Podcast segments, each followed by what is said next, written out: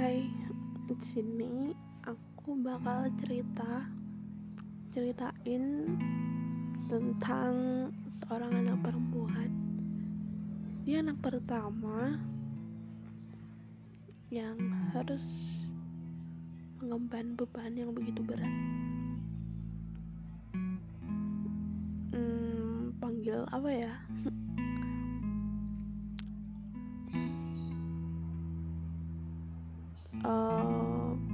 Aja. Uh, Sasa deh. Jadi Sasa itu masih di bawah umur. Aku bakal ceritain dia dari SD dari kecil deh. Sasa itu orangnya ceria banget. Pas kecil bisa dibilang hidupnya enak. Apa-apa diturutin karena ya emang dia anak pertama.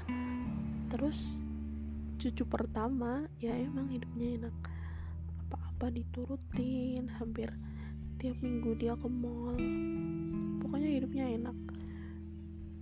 Nggak ada beban lah ya ya emang masih kecil. Lalu semua berubah di saat dia kelas 4 SD kelas 4 SD dia belum tahu apa-apa. Lalu kelas 5 dia tahu kenyataan bahwa ada perselisihan di antara kedua orang tuanya. Uh, lalu ternyata ayah dia bisa dikatakan punya simpanan lah ya. Oke. Okay. dan pas dia umur oh no enggak. Pas dia kelas 6 ada pertengkaran yang per, emang pertama kali dia lihat. Ya orang tua dia bertengkar di saat dia masih kelas 6 SD dan itu usia yang masih cukup kecil. Aku aku masih ingat di mana dia Sasa ini. Pergi sekolah. Sekolah dia nangis ditanya sama temennya kenapa? Kenapa? gitu.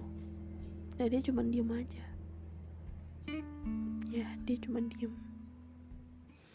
Lalu saat itu Sasa naik kelas 7 dia kira semua masalahnya udah selesai tapi ternyata enggak? Orang tua dia bertengkar lagi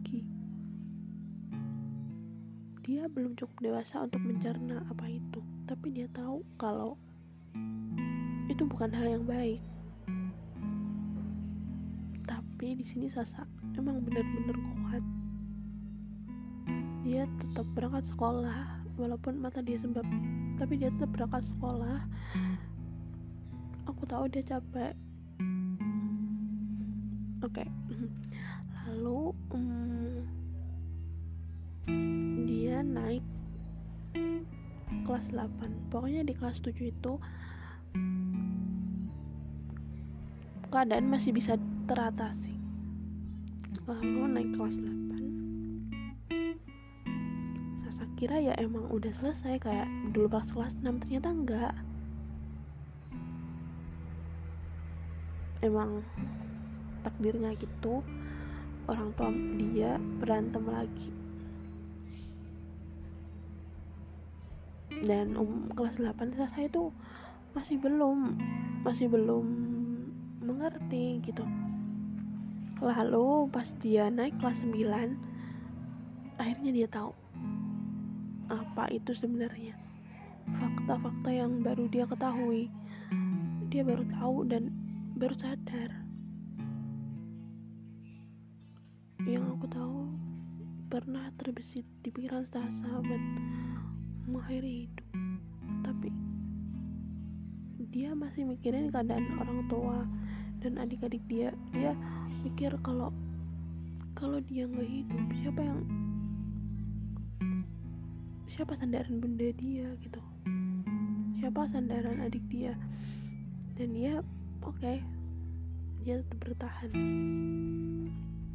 Lalu kelas 10 masalah ini dimulai.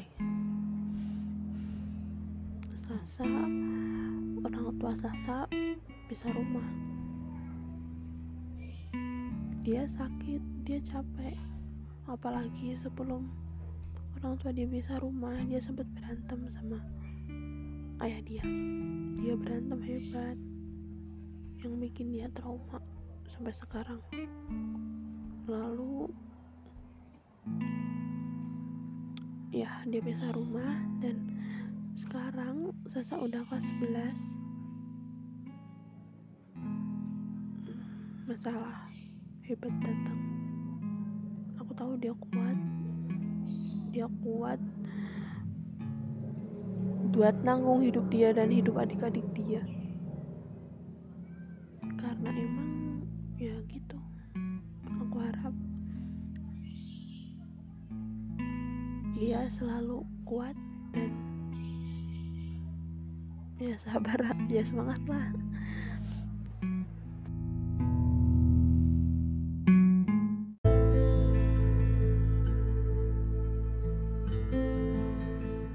Hmm, hai, aku mau cerita. Hmm, pernah gak sih kalian emang bener-bener takut sama sama orang yang dulunya emang deket banget sama kalian? Orang itu kayak dulu tuh kayak lindungin kamu. Pokoknya emang bisa jadi sandaran kamu. Tapi sekarang takut gitu buat ketemu aja takut nggak berani gitu. Jadi jadi gini aku lagi takut sama seseorang yang emang dengar dengar dia kendaraan dia itu aja bikin takut gitu loh.